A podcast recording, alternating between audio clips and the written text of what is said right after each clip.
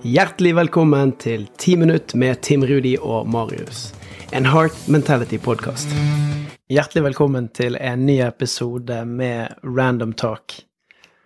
Vi har hatt én Random Talk-episode tidligere, og denne gangen, som sist, så vet ikke Marius hva vi skal snakke om. Så Og det, er ofte sånn at Random Talk-episodene kanskje går litt dypere.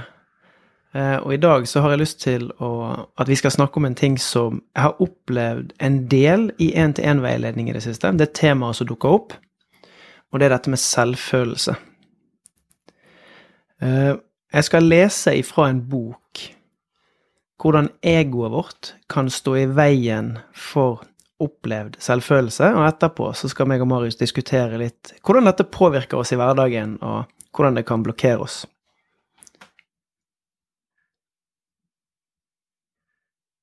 Egoet ditt er der for å beskytte deg. Egoet er der for å sørge for at du Hvis du opplever ting som er vanskelig, kanskje skjermer deg litt. Hvis du, hvis du får kjeft eller kritikk, så kan egoet være der og kjefte tilbake. Selvfølelse handler om troen på den du er, og være trygg i seg sjøl. Ego frykter hva folk vil si. Selvfølelse filtrerer bort det folk sier. Egoet sammenligner oss med andre. Selvfølelsen sammenligner seg selv med seg selv. Egoet vil bevise det de kan.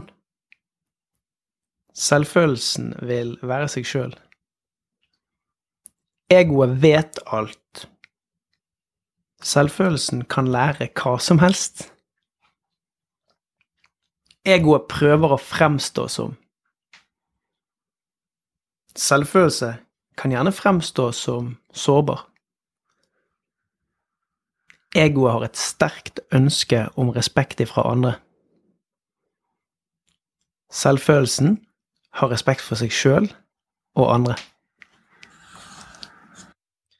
Nice. Det der er eh, kraftige saker. Eh, absolutt. og jeg, jeg, ser jo en veldig tydelig forskjell her på, uh, på ego og, og, selvfølelse. Og jeg syns jo den måten som det blir beskrevet på, så er det jo sånn Selve ordet i seg sjøl, da. Selvfølelse. Følelsen du har om deg sjøl. Og den vil jo utspille seg enormt mye i de settingene som man møter i, i hverdagen. For eksempel hvis du har lav selvfølelse, du tenker ikke så godt om deg sjøl, så vil du ha et helt annet fokus, og du vil mest sannsynligvis ha helt andre valg i en situasjon som du opplever i hverdagen din. Men også da ego, altså hva den faktisk sier, da, hva den faktisk vil at du skal gjøre, den vil sette deg opp, den vil at du skal ha rett, den vil at du skal bevise, eh, og det er en veldig sånn kan en litt sånn krevende energi, da, hvor du må jage veldig mye, mens selvfølelsen er litt mer sånn ro, føler jeg. Det er litt mer sånn at du kan faktisk hvile i den du er, og i eh, at det du gjør, er på en måte litt uavhengig, fordi at du vet at du fortsatt er en, en god person. da. Du har fortsatt en, selvfølelsen din med deg. Eh, det var noen av de tinga som dukka opp eh, sånn nå innledningsvis. Men hva, det, hva, dukker opp hos deg når du leser de tinga her? Ja, du fikk jo to minutter til å tenke deg om før jeg ga deg ordet. Jeg tenker, det, som er, det som er viktig med disse to ulike dimensjoner. Det kan kalles ulike ting avhengig av hvilke forfattere eller forskere det kommer fra. Men det er jo hvor ulikt det får oss til å føle. Det, det er den tingen som jeg tror jeg legger mest merke til. Altså, når vi er i egoet, så er vi utrygge. Vi er utrygge på oss sjøl, vi er utrygge på omgivelsene. Og vi er kanskje i en sånn fight-modus der vi må kjempe tilbake for å rettferdiggjøre, for å bevise og for å synliggjøre at uh, den vi er, er god. Mens i selvfølelsen så tror jeg når det skjer i et menneske, så kjenner vi oss tryggere fordi at vi kjenner oss tryggere i oss sjøl. Og da er det ikke så viktig å være god, men da er det viktigere å, å tenke at man skal bli bedre. Og det kan jo godt være at når du hører på ordene som jeg leser opp, så kan du kjenne at det stikker litt i magen. For at noen av de tingene liksom åh, ja, det der gjør jeg. Det er jo den beste muligheten som fins. Og det her sier jeg masse i veiledning, når jeg har én-til-én-veiledninger, der responsen som jeg av og til kan få, er sånn 'Å, oh, shit, det der gjorde vondt'. Sånn, jeg er jo sånn. Så sier jeg, ja, men er det ikke fint, da, der du er i livet nå, og så faktisk forstå at dette er den tanken eller den følelsen som driver deg, for da kan du flytte deg. Så hvis du hører på det her og, og kjenner at det er noen av de tingene som, som stemmer, med, med, sånn som du både opplever og ser verden og deg sjøl, så er det et mulighetsrom som du kan ta. Du kan velge å jobbe med selvfølelse. Ja, og så er det jo viktig å ta den uh summeringa for seg sjøl, hva er det som faktisk er viktig? og Hvordan er det du ønsker å ha det, og hva er det du faktisk ønsker å føle og, og, og oppleve i situasjoner? da? Fordi at eh, jeg husker jo før når jeg var yngre, ungdomstida og vokste opp, så husker jeg hadde veldig dårlig selvfølelse. Um, og det gjorde til at jeg ofte tenkte sånn Nei, men det er ikke så farlig med meg, og mye vanskeligere for meg å ha en stemme, mye vanskeligere å ha en mening, og hvis jeg skulle ha en mening, da måtte det være sånn at da måtte jeg være sikker på at det jeg sa var liksom bra eller spennende eller sånne ting, for da var det liksom greit. Men jeg tror at det også er jo litt den der greia som du opplever også, når du faktisk bygger opp selvfølelsen din, da. Så blir du faktisk litt tryggere i deg sjøl, og du klarer kanskje oftere å si litt sånn Ja, jeg kan faktisk være uenig. Ja, jeg kan faktisk eh, tenke at nå tok jeg faktisk feil, eh, og jeg kan hvile mer i, i meg sjøl, da. Istedenfor å bare hele tida jage eller tenke at jeg må være noe annet enn det jeg er. Og jeg tror også det er en sånn viktig greie, da, at hvis jeg hele tida tenker at jeg Man kan merke det veldig på sin indre dialog om man har god selvfølelse eller ikke. Hva er det du tror om deg sjøl?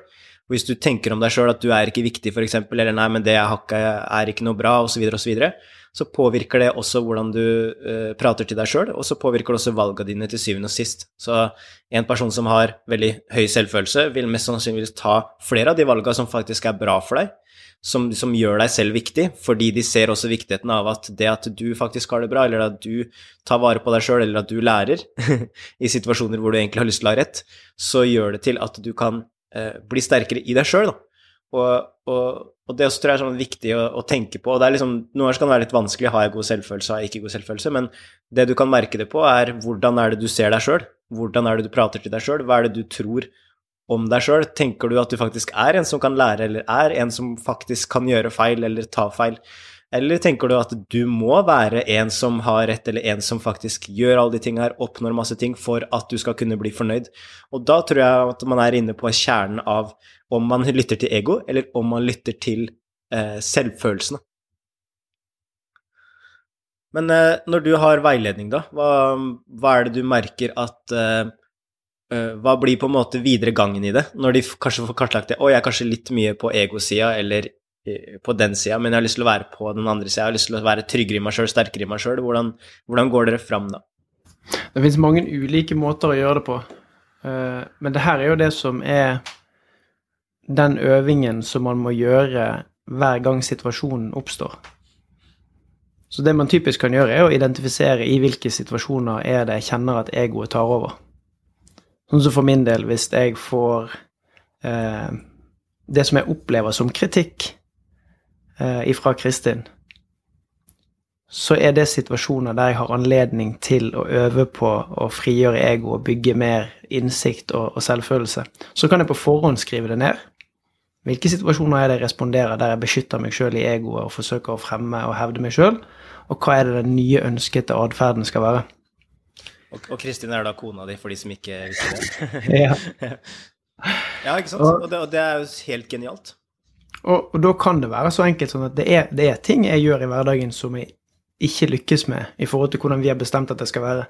Men istedenfor å unnskylde, bortforklare eh, Fordi at det har jeg vært skikkelig god på, eh, og det er jeg fortsatt ganske god på, men det øver jeg meg på å redusere. Så jeg bestemmer at da må jeg lytte ferdig, og så i det øyeblikket jeg kjenner at jeg har lyst til å si noe som frigjør meg ifra det, som egentlig bare er tøys, så kan jeg velge å bare si unnskyld, eller ja, det skal jeg se nærmere på, eller en måte som Ok, jeg er ikke helt sikker på om jeg ser det på samme måte som deg, men jeg skal, jeg skal, jeg skal forsøke. Og hver gang du havner i en situasjon der du opplever at det egoet da, som jeg beskrev innledningsvis, er der og tar kontroll, så kan du bestemme deg for hvordan du ønsker å tenke og føle annerledes rundt det. Det er ekte god, dyp mental trening. Og det her tar tid. Dette er et verktøy som du kommer til å merke det når du møter svigermor eller svigerfar, og det skjer situasjoner der du har lyst til å bare Ego har lyst til braute frem for å vise at ja, men det er meg som bestemmer. Så kan du velge deg og så stå i den ydmykheten og, og bygge selvfølelsen over tid. Og det føles bare bedre. Det er det som er hele poenget. Når egoet dominerer, så har vi ikke de samme gode følelsene. Vi er mer tom, vi er mer kald, vi er mer hard. Mens når vi jobber med selvfølelsen, så blir vi rausere, vi blir varmere, vi blir mer ydmyk, vi blir mer åpen. Så actionsteget er jo akkurat det, da. Å faktisk bli bevisst på det. Hvem er det som snakker eh, når? Eh, og hvis du syns det er ubehagelig å bli bevisst på, så kanskje er det akkurat da du skal gjøre den øvelsen der. Så masse lykke til. Test det gjerne ut, og kjenn hvordan det er for deg, og så snakkes vi i neste episode. Yeah, vi snakkes!